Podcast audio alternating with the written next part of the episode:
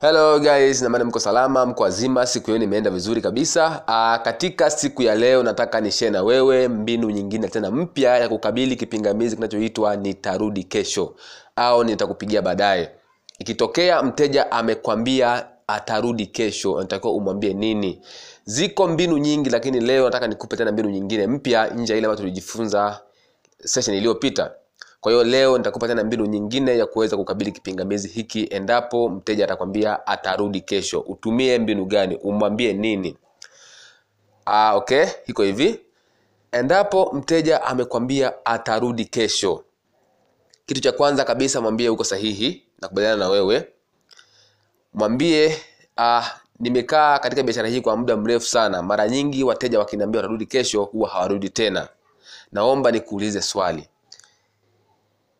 nini kifanyike ili mimi na wewe tufanye biashara leo leo na sio kesho?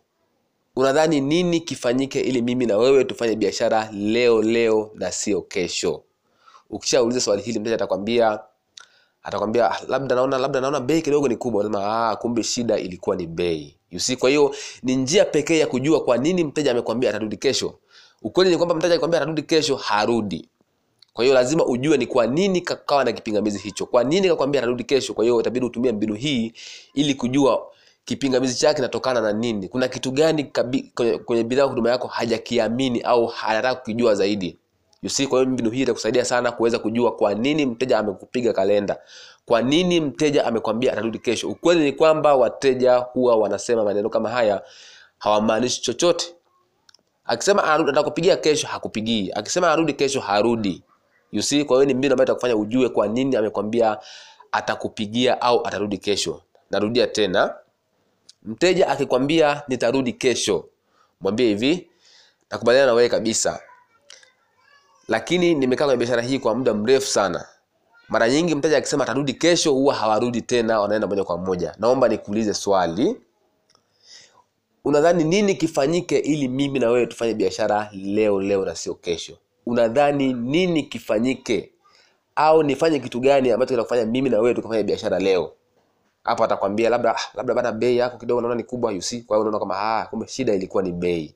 Kwa hiyo unaanza kuongea naye kuhusu bei kwa kutumia mbinu kufundisha mara ya kwanza you see? Kwa hiyo ni njia pekee ya kufanya ujue kwa nini mteja amekataa.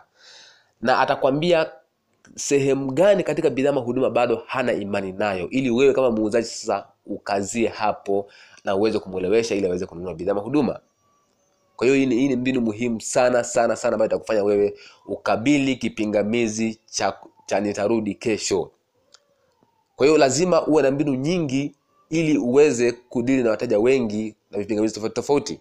Kwa mbinu hii pia na kuongezea ambayo ni mpya ambayo itakusaidia sana wewe kufunga mauzo e, au kukabili kipingamizi kinachoitwa nitarudi kesho. Ziko mbinu nyingine nyingi za kwenye kitabu nimeandika lakini nataka na hii pia nikupe ili uweze ku, iweze kukusaidia kuongeza katika mbinu zako za kuvikabili vipingamizi vya wateja. Kwa hiyo endapo mteja atakwambia nitarudi kesho mwa- mwambie nakubaliana na kabisa lakini nimekaa kwenye biashara hii kwa muda mrefu sana. Mara nyingi mteja akisema atarudi kesho huwa harudi tena. Naomba nikuulize swali. Unadhani nini kifanyike ili mimi na wewe tufanye biashara leo na sio kesho nimekuwa kwenye biashara hii kwa muda mrefu sana. Wateja wengi wanaosema watarudi kesho mara nyingi huwa hawarudi. Naomba nikuulize swali. Unadhani ni kitu gani kifanyike au ni nini kifanyike ili mimi na wewe tufanye biashara leo na sio kesho? Hapo atakwambia ni kitu gani anakihitaji kwenye biashara yako kwa bidhaa ama huduma yako umfanyie au ukifanye au umweleweshe zaidi ili aweze kufanya maamuzi leo leo na sio kesho. Kwa hiyo ni njia rahisi sana. Ikitokea amekwambia ngoja niongee na mke wangu kwanza then unatumia mbinu ya kufundisha ya jinsi ya kuongea na mke wangu kwa hiyo ni simple as that. Kwa hiyo ni mbinu ambayo itakufanya wewe ujue kwa nini mteja amekataa kununua leo na akasema kesho. Itumie mbinu hii itakusaidia sana kukabili kipingamizi hiki cha nitarudi kesho. Asanteni sana. Kama kuna swali basi mtauliza